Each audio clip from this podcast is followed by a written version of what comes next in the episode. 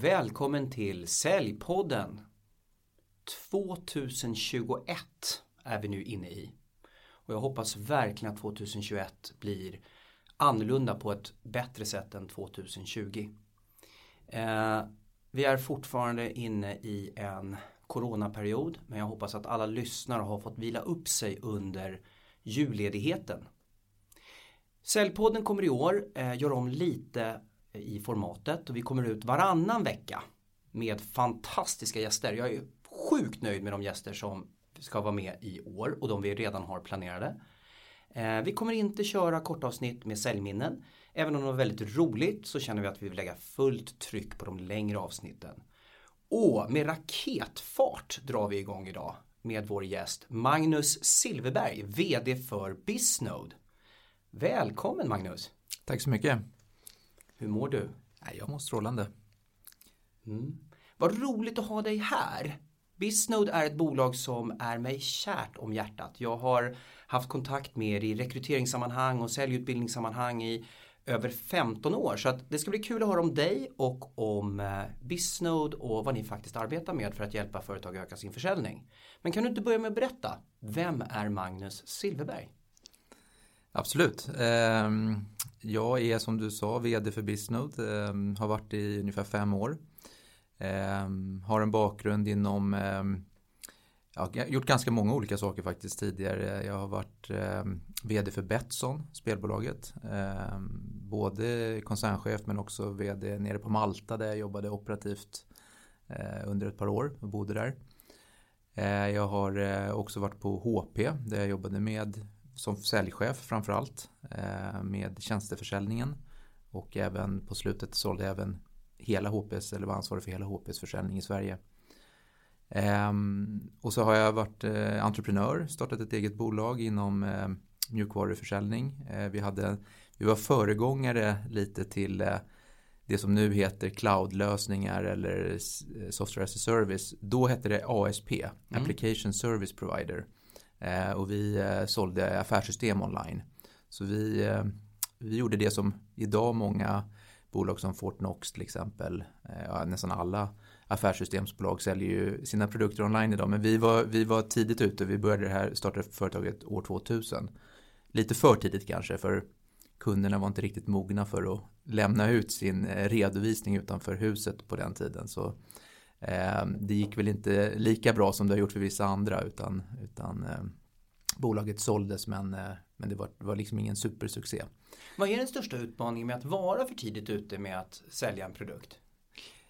Ja, det är ju att man måste utbilda marknaden och man måste ju övertyga marknaden om att eh, det här funkar. Jag minns att vi, vi var ute och sålde till eh, redovisningsbyråer då skulle övertyga dem om att det var säkert att ha sin redovisning någon annanstans än under liksom på servern som stod under, eh, under eh, skrivbordet.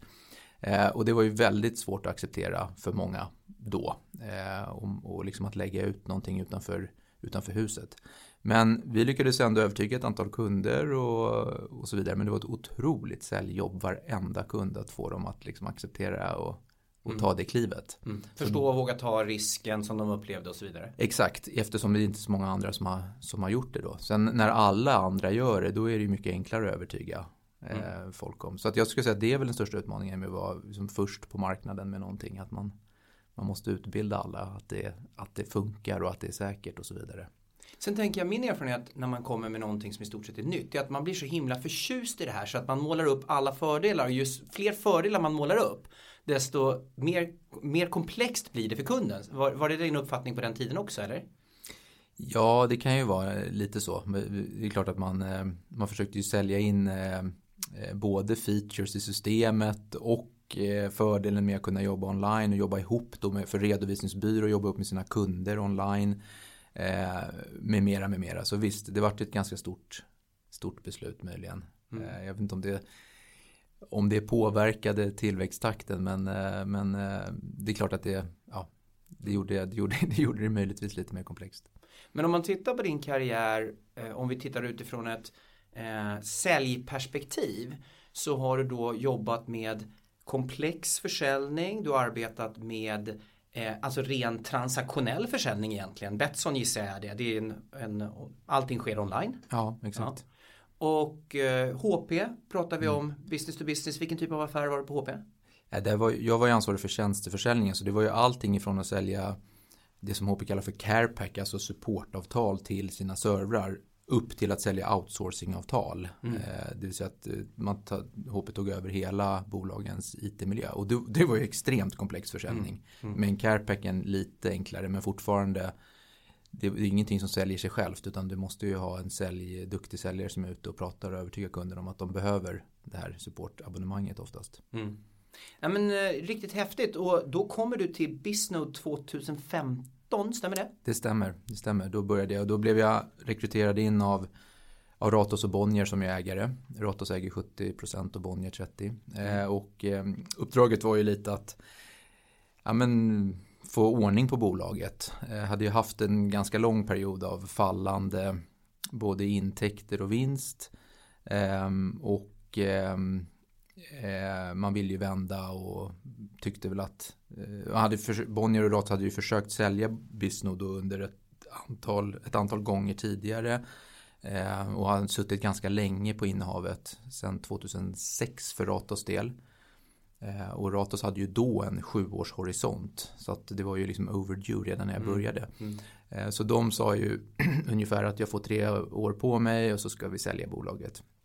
Och nu så, eh, fem år senare nu så har vi ju sålt det, eh, eller är, håller på att sälja i alla fall. Mm. Eh, vi har skrivit avtal med Dun Bradstreet, vår, vår globala partner, som kommer att köpa bolaget. Mm. Och, så det känns ju väldigt roligt att uppdraget är, så att säga, lyckades till slut. Mm.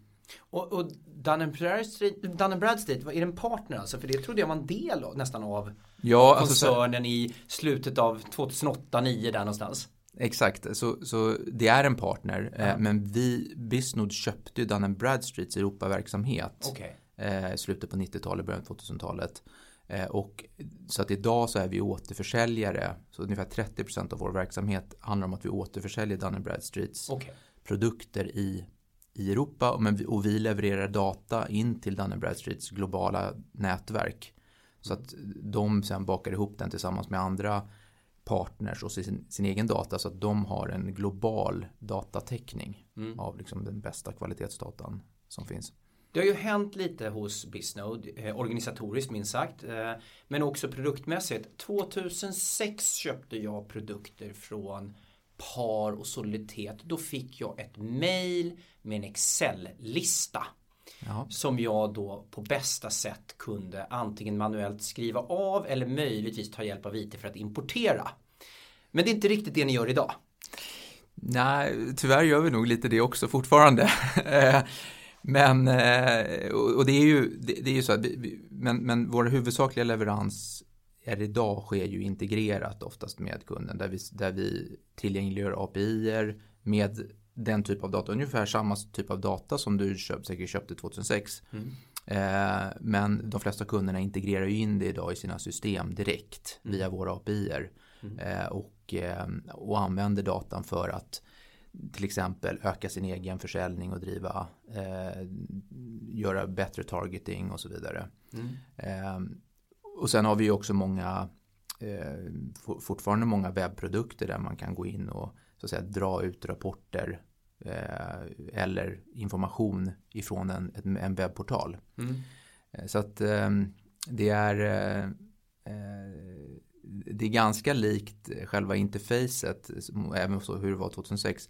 Sen har vi ju såklart jobbat väldigt mycket mer med analyskomponenterna. Så att datan är ju ungefär, eh, jag vet inte hur den såg ut exakt 2006, men, men det är fortfarande liksom grunddata om företag och personer som ja, vi säljer. Ja, självklart. Ja. Eh, men vi har ju jobbat väldigt mycket mer med analysinnehållet, att, att vi även analyserar datan och säljer variabler på till exempel hur, eh, hur många eller vilka personer tror vi kommer flytta inom tre månader i Sverige. Mm. Eh, och en sån information kan ju vara extremt värdefull för ett bolag som säljer vitvaror till exempel mm. eller någon annan tjänst där man, där, som är mycket drivet av att folk flyttar. Mm.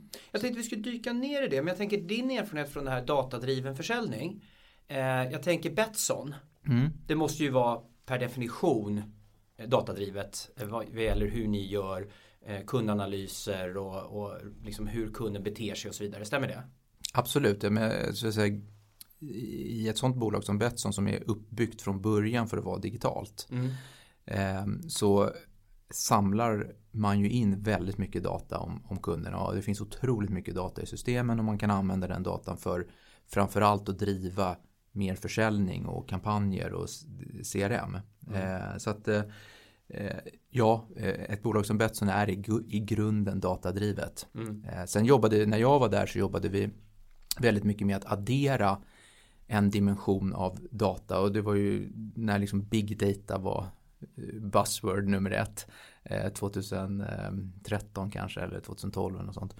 Eh, och, då, och då, det vi jobbade med då var ju mycket, tittade mycket på vad Facebook och andra stora amerikanska bolag gjorde och, och applicerade deras mer growth hacking modell. Mm. Eh, att vi helt enkelt gjorde, analyserade all den här datan som vi hade eh, i, och la, la all data i en stor data lake, analyserade all datan mm. och eh, drog slutsatser om kundernas beteende på sajterna utifrån, utifrån mm. eh, all den här datamängden och den ganska avancerade analysförmågan då som, som mm. vi hade. Mm.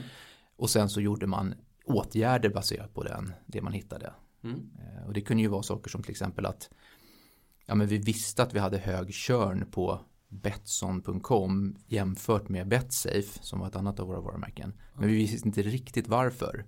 Nej. Och sen när vi började analysera all data eh, så kunde man då hitta att, ja men vänta nu, körnen beror ju faktiskt på att det är större drop-off vid reset your password på Betsson.com.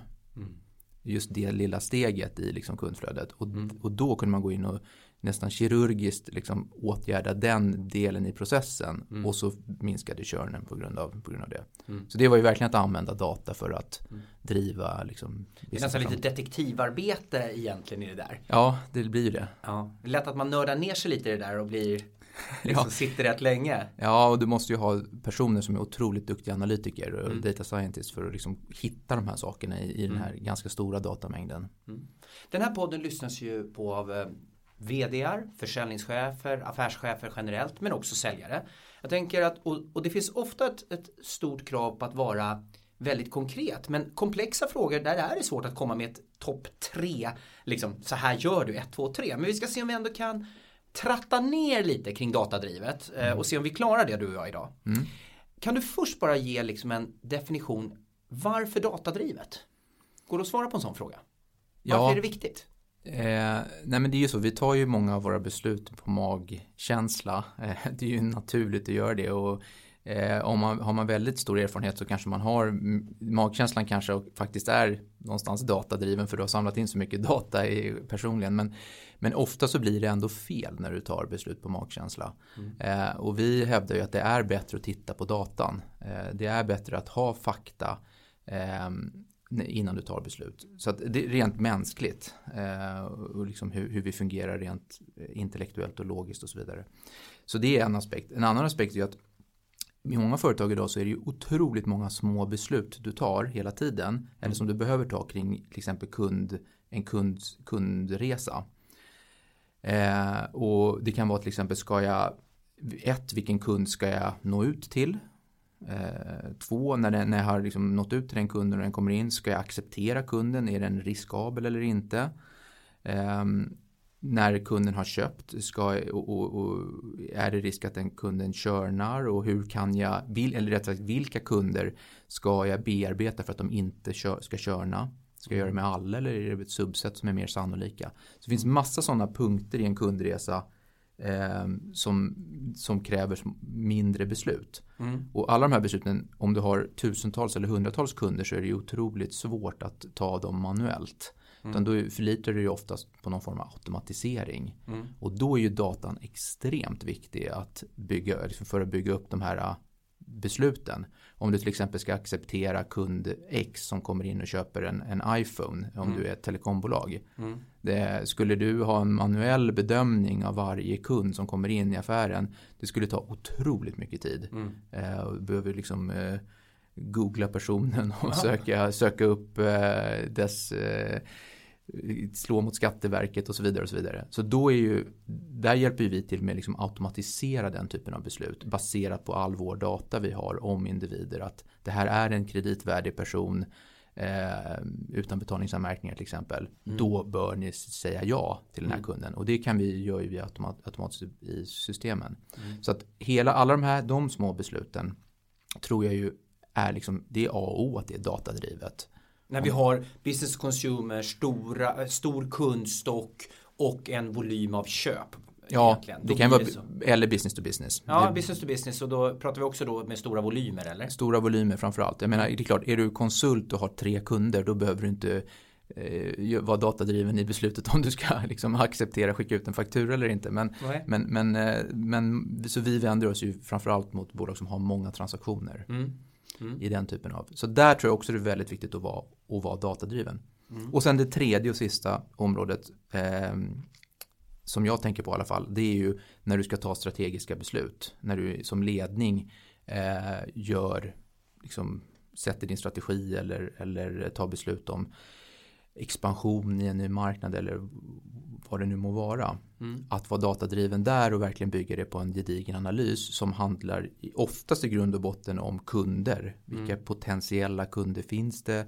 Eh, och även konkurrenter såklart. Men, men, men, men det, det, handlar ju mycket om att analysera, analysera kund, mm. kunder och efterfrågan. Mm. Eh, och i, den, I den typen av beslut också tror jag det är väldigt viktigt att vara datadriven och inte, inte gå för mycket på magkänsla. Det finns ju olika kundresor beroende på egentligen vad du säljer. Eh, och då måste du ju någonstans göra en analys av kundresan. I vilken ordning gör man det? Alltså börjar man först och sätter upp hur man tror att den är och sen tar man in era produkter för att verifiera eller falsifiera det här? Eller hur, hur går det tillväga om du är en ledare och ska sätta upp en kundresa och sen utveckla den? Nej, men jag skulle säga att man får ju börja med att fundera på vad ens egen produkt gör eh, såklart mm. eh, för nytta. Och eh, om jag tar vår, för oss själva då så, så tittar ju vi naturligtvis på ja, men, våra kunder. Eh, hur kommer de in? Ehm, Kommer de, kom, liksom, ett, var, hur får de reda på att vi finns? Eh, hur kommer de i kontakt med oss? Vad, vad, vad är det för behov vi uppfyller? Eh, vad finns det för alternativ? Eh, hur ser det ut när, de, när vi ombordar kunden? Mm. Eh, hur ser den processen ut?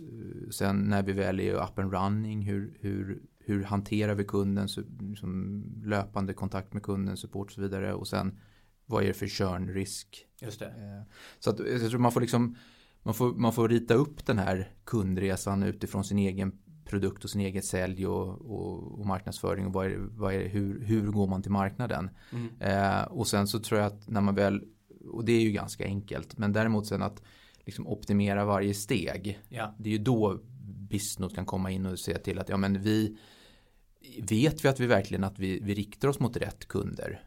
Är det de vi, vi gör reklam mot som faktiskt är sannolika att köpa vår produkt? Mm. Ja, men, eller skjuter vi enormt brett och spenderar väldigt mycket onödiga pengar. Vi skulle kunna skjuta mer med liksom eh, prickskytte mm. och spendera mycket mindre pengar och ändå få lika mycket intäkter. Mm. Det, det, är där jag tror man kan vara liksom hjälp av en datadriven approach.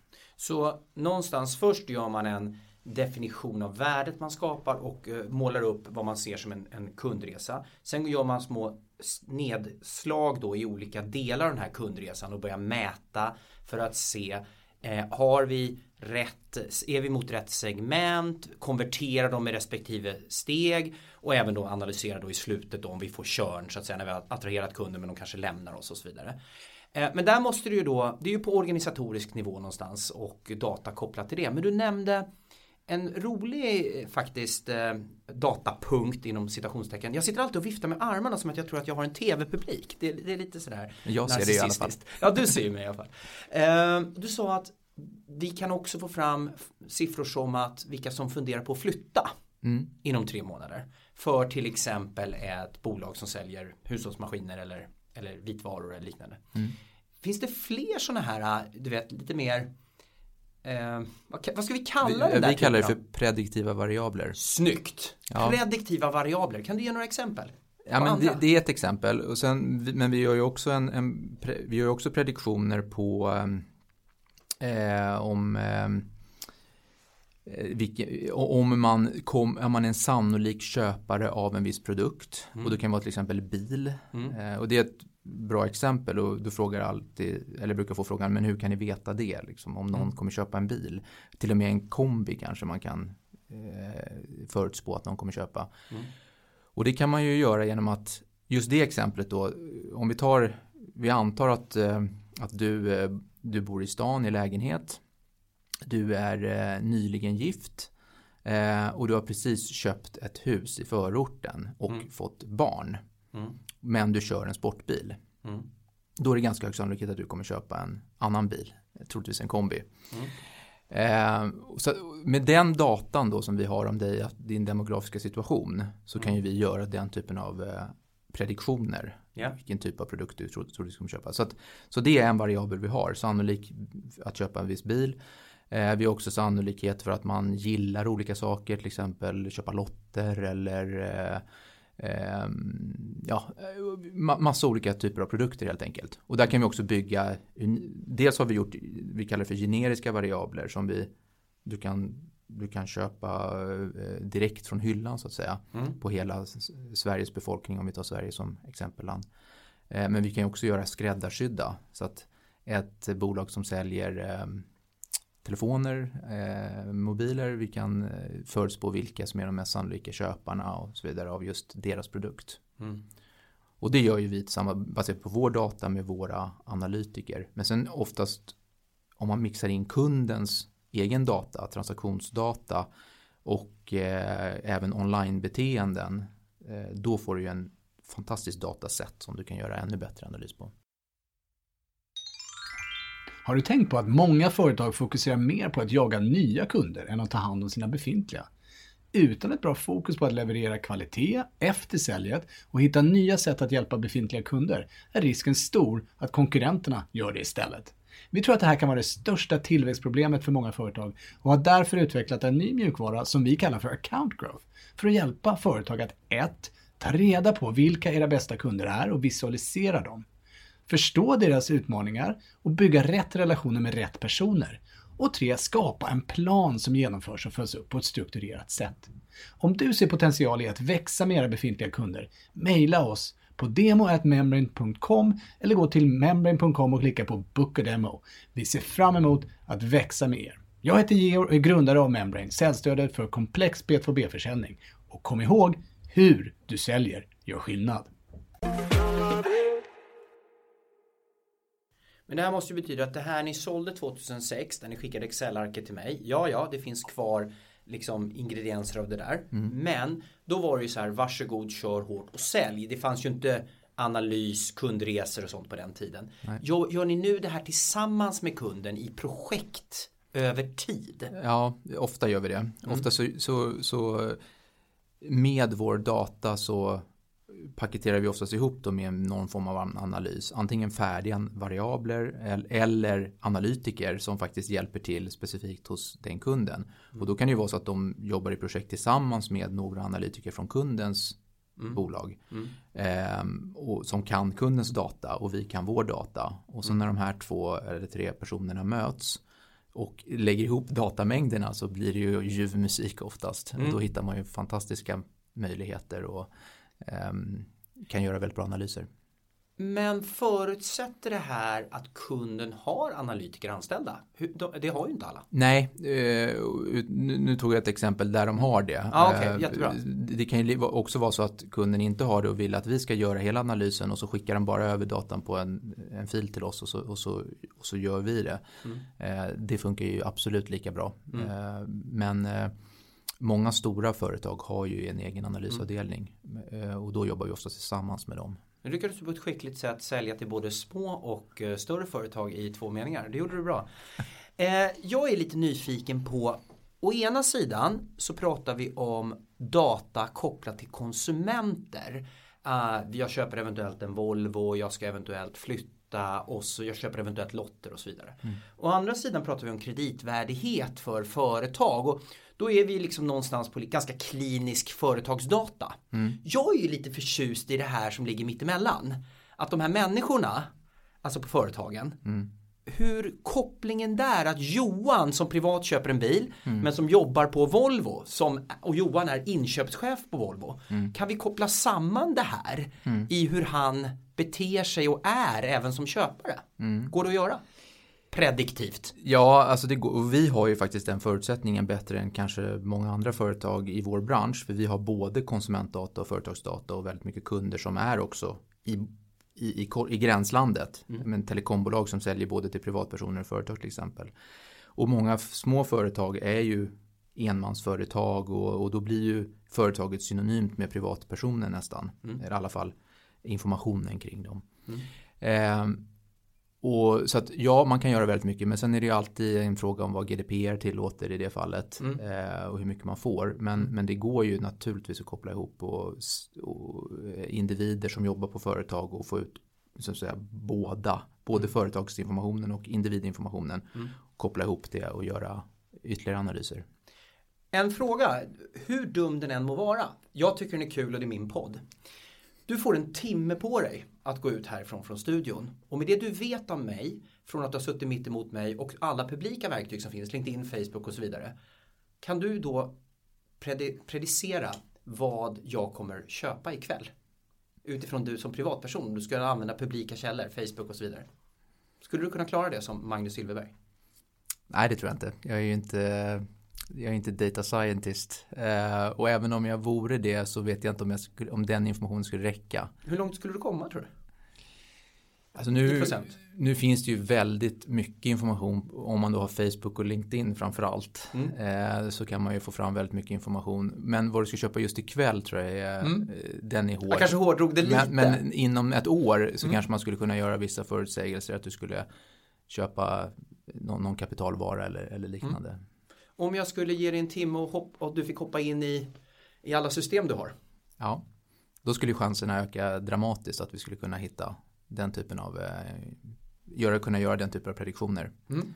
Eh, eftersom vi då vet mycket mer. Och, mm. eh, Mm. Kan koppla också koppla ihop det kanske med det som står på Facebook. Det vi lärde oss här det var att du är lite mer faktaorienterad än jag. jag och att jag har högre självuppskattning vad gäller min förmåga att gå och researcha. Och tänkte så här, du ger mig en timme, jag smsar dig om en timme och se så ska jag tala om för dig vad du köper ikväll. Nej, skämt åsido, jag tror att det här är själva poängen va. Att det är väldigt viktigt att vara datadriven och faktiskt använda de här systemen. Jag har själv tillbringat väldigt mycket med när man inte haft den här möjligheten att gissa och ofta gissar man rätt. Mm. Men väldigt ofta gissar man ju faktiskt fel. Mm. Har du då en stor organisation du leder mm. då blir det kostsamt varje felgissning. Mm. Eh, har du en mindre organisation då är det inte hela världen på något vis. Det ligger kanske i trial and error eh, metodiken. Mm. Men ju större organisation, ju större flöden, desto viktigare att inte gissa fel. Om du förstår vad jag menar. Ja, Stämmer det? Absolut, men sen är det också så att det är ju som du säger, det är ju, för, det är ju förut, eh, prediktion, det, det här är ju ett statistik spel så att säga. Mm. Eh, där det kanske, vi kanske kan säga att med 70% sannolikhet kommer du göra någonting. Mm. Och, och, då har vi rätt 70% av gångerna. Mm. Men vi har inte rätt alla gånger. Eh, men om du har en tillräckligt stor population så mm. blir det tillräckligt många rätt. Mm. För att det ändå ska vara så otroligt mycket mer värt för ett företag att spendera pengar på just den populationen än på en annan population där vi inte har en aning om vi har rätt eller inte. Mm. Så det, det, är ju hela tiden, är, man måste, vi, vi pratar hela tiden om sannolikhetsbedömningar. Mm. Men med stora populationer så, mm. så blir det oftast väldigt pricksäkert. Så rådet till egentligen, om jag försöker summera till organisationer, större som ja, mellanstora mindre, det är ju att börja jobba mer faktabaserat, datadrivet och börja titta på kundresan i detalj i de olika stegen. Har jag uppfattat dig rätt? Ja, det tycker vi är en väldigt viktig del och att man man, eh, man måste ju också börja titta på sin egen masterdata som vi säger. Allting börjar med masterdatan och masterdata med det menar vi din kunddatabas och din leverantörsdatabas oftast. Mm. Um, och vad har du för information där i och i stora företag så har du oftast många olika kunddatabaser och leverantörsdatabaser. Mm. Och då är det viktigt att man kan koppla ihop dem så att de faktiskt säger samma sak om en kund i de olika databaserna. Mm. Eh, så att ha koll på masterdata så att den är korrekt, uppdaterad eh, och, och GDPR-säkrad. Du får ju till exempel inte ha personer som är avlidna i din kunddatabas och skicka ut reklam till de människorna. Det är enligt GDPR inte tillåtet. Just. Så där, där kommer vi in och hjälper till att liksom städa och tvätta tvätta Mm. kunddatabasen. Mm. Så det är steg ett. Mm. Ha liksom en bra masterdata. Steg två är ju att berika den databasen med mer information och då kan vi ju till exempel Bisnode då levererar ju bland annat där prediktiva variabler Mm. så att vi klär på liksom på varje individ eller företag i kunddatabasen så klär vi på liksom fler mer information Mm. eh, till, om dem. Och sen kan man då utifrån det börja göra analyserna som du eh, inne på. Liksom måla upp kundresan. Mm. Eh, titta på vad har, vad har jag faktiskt för kunder själv idag. Vilka är mina drömkunder? Hur ser de ut? Mm. Eh, och sen så kan jag ju eh, gå ut och fråga eh, till exempel Bisno då. Finns det fler sådana här drömkunder där ute i Mm. samhället? Tvillingar. Tvillingar, Mm. exakt. Mm. Och så gör vi en tvillinganalys och så skickar vi, jo men de här tusen eller tiotusen eller hundratusen personerna borde du nog också eh, rikta dig mot. Mm. Och så kan man börja jobba liksom. Mm. Jag hade något eget begrepp i slutet av 2009 som hette relationstvilling. Och då tog jag då ett, en eh, HR-chef och så gick jag och tittade på samma, som var i samma bransch som eventuellt jag kunde hitta att de bodde i samma områden och det var bara för det här cold callet. Ja. Så att det skulle kunna funka. Mm. Men jäklar vad manuell tid det krävdes. Ja, Men exakt. kul var det. Ja, jo. om, man är, om man är road av det. Så. Om man är road av det. Du, eh, jag tänker eh, tvätta datan och så vidare. Det är ju en hygienfaktor egentligen. Eh, bara en fråga. Eh, GDPR säger du. Eh, har, vi, har vi många fall, liksom, eh, många fällda för att ha gjort det här i Sverige? Skickat till exempel till avlidna personer och så vidare. Känner du till det? Nej, just det tror jag inte Datamyndigheten har tittat på ens. Eh, utan de har ju mest gått på det som kallas för känslig information och eh, om skolor och så vidare. Och hanterar eh, den typen av information. Eh, men det är ju inte omöjligt att det, jag tror att Datamyndigheten har haft ganska mycket att göra sedan GDPR infördes. Mm. eh, för drygt två år sedan. Och, eh, men det finns ju otroligt med många andra områden. Som, det här är ett Mm. eh, som ju man faktiskt bör följa sig till att man följer. Ja. Nej, men det tror jag, jag tror det är jätteviktigt att faktiskt ta tag i det där och tvätta registret. Och det är inte en speciellt kost, kostsam aktivitet egentligen heller. Nej, Att skicka ut, extrahera och få det tvättat. Nej inte om man gör det en gång. Men, det, men det kan ju vara också lönt att ha det på en löpande Mm. liksom, eh, Ja. avisering eller monitorering. Så Mm. det är ju många kunder hos oss som, som gör så. Vi pratar om bolagsnivå då, då, hur man kan agera. Om jag är privatperson då, eller förlåt, om jag är säljare. Mm. Finns det någonting jag kan göra själv? Alltså, eller liksom vad bör jag tänka på när, Mm. som säljare? Ja, men som säljare kan man ju faktiskt också jobba datadrivet genom att det finns ju oftast väldigt mycket information om, om du nu är en business to business säljare antar vi, eh, så har du, finns det ju väldigt mycket information om din kund där ute. Eh, och den informationen kan man ju använda när man ska liksom inför ett säljbesök. Eh, så det finns ju väldigt mycket man kan oftast läsa på om, om sina kunder. Eh, och då är det ju både det som står på på webben men också den här typen av information som vi tillhandahåller där det kan vara lite mera liksom firmographics som vi kallar det för. Mm. Ehm, information kring hur företaget ser ut och eh, ledande befattningshavare och Mm. finansiell ställning och så vidare. Och så vidare. Du gör ju kundbesök idag. Du berättar att du varit på sambesök med, Ja. med, med Ja. människor till och med som jag har lite koll på. Ja. Eh, vad är det du tittar på? Om du ska göra ett kundbesök, vad tittar du på innan du besöker? Ja, men dels så försöker jag förstå om eh, vad, är, vad har vi för relation med den kunden Ehm, och eh, ehm, vad, har vi för möj, vad har vi för möjligheter såklart. Det är väl kanske det allra viktigaste. Men sen tror jag, brukar jag också titta på lite vad, ja men den här kunden, hur ser, hur ser deras eh, finansiella ställning ut? Vad är, vad är de i för Mm. så säga, strategisk fas? Mm. Ehm, vad, vad finns det för, för nyheter runt, runt eh, förändringar i Mm. ledningsgrupp och så vidare. Den typen av information. Vad kallar, kallas den datan något specifikt? Är den klassificerad som något specifikt? Eh, kvalitativ data, men, men, eh, eller finns det något annat ord för den? Det här eh, liksom eh, strategiska initiativ och sådana grejer. Alltså hur, hur hittar du det? Är det en googling? Det kan vara både googling eh, och så kan det vara att titta i våra databaser eh, och verktyg som typ vi har ett verktyg som heter Hoovers till exempel eh, som kommer från Dun Bradstreet men det är, där samlar vi in all information om en, om en liksom företag som man lätt kan få en överblick över, mm. över hur de ser ut. Så omvärldsbevakningsverktyg eller? Ja, omvärldsbevakning och även då specifikt liksom om själva bolaget, information om själva bolaget mm. i en kombination. Mm. Om du ska göra ett eh, kundbesök eller du ska genomföra aktiviteter mot en specifik kund. Eh, men du, jag ska formulera den här frågan, jag försöker göra det här. Hur viktigt är det här att göra research kring kund innan du gör det här besöket? Jag tror det är oerhört viktigt. Om du kommer ut till en kund och börjar prata om saker eh, som kanske är helt irrelevant för den kunden så går ju säljbesöket ganska snabbt oftast. Mm. Eh, men om du förstår kunden och förstår vad de håller på med och vad deras situation är så är det ju mycket större chans att du faktiskt pitchar rätt, mm. rätt sak. Upplever du en skillnad på vikten av att vara påläst idag mot för 15 år sedan? Ja men det gör jag för jag, tror man får oftast mindre tid hos kunderna B2B. Man får, vi kommer in senare i kundens egen sälj eller köpresa.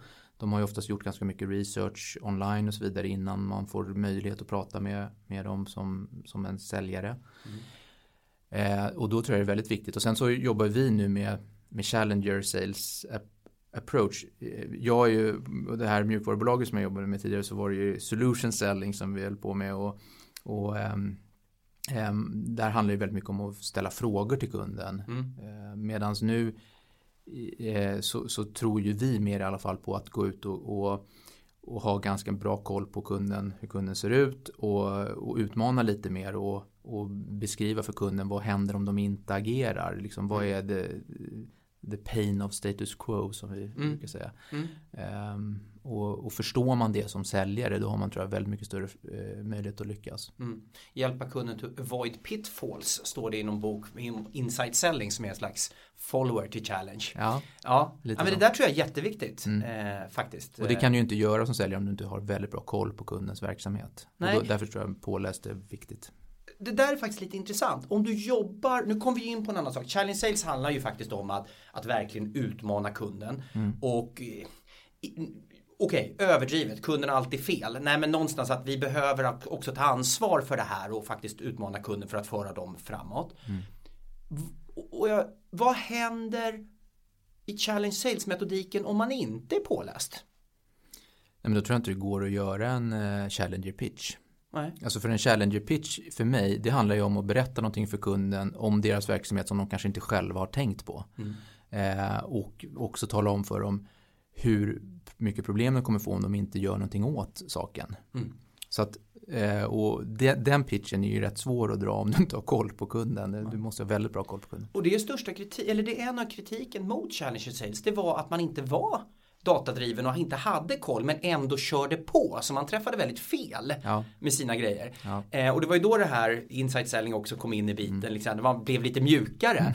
Eh, ja men det var jättebra, det var inte meningen att vi skulle prata om det men det tror jag är viktigt. Jobbar ni med challenge sales eller inside selling och så vidare. Det, det kräver att ni är både industry leader, att ni verkligen kan ert område jättebra. Mm. Men framförallt att ni är client insider, har koll på branschen kunden är i, har koll på utmaningar den här specifika kunden är i och även all data kring då kunden. Eh, för annars så, så havererar den här metodiken skulle jag tro. Ja, nej men det är ju, det är ju bara att prova att gå ut och, sagt, och utmana en kund utan att ha koll på kunden. Då, då åker du ut snabbt tror jag från mm. det mötet. Mm. ja, jättebra, jätteintressant. Mm. Om du skulle runda av lite här med att summera. Varför ska bolag tänka datadrivet? Ja, men om, jag tror att dels eh, tror ju jag, eller jag är övertygad om att det är ett sätt att driva högre tillväxt mm. än om du inte är datadriven. Eh, och driva högre lönsamhet för du prickar mer rätt och du behöver inte spendera lika, lika mycket pengar på marknadsföring och annat. Eh, sen så anser jag också att data är ju grunden för digitalisering och alla bolag idag nästan är ju väldigt måna om att digitalisera och, och så att säga inte hamna, halka efter i digitaliseringsresan.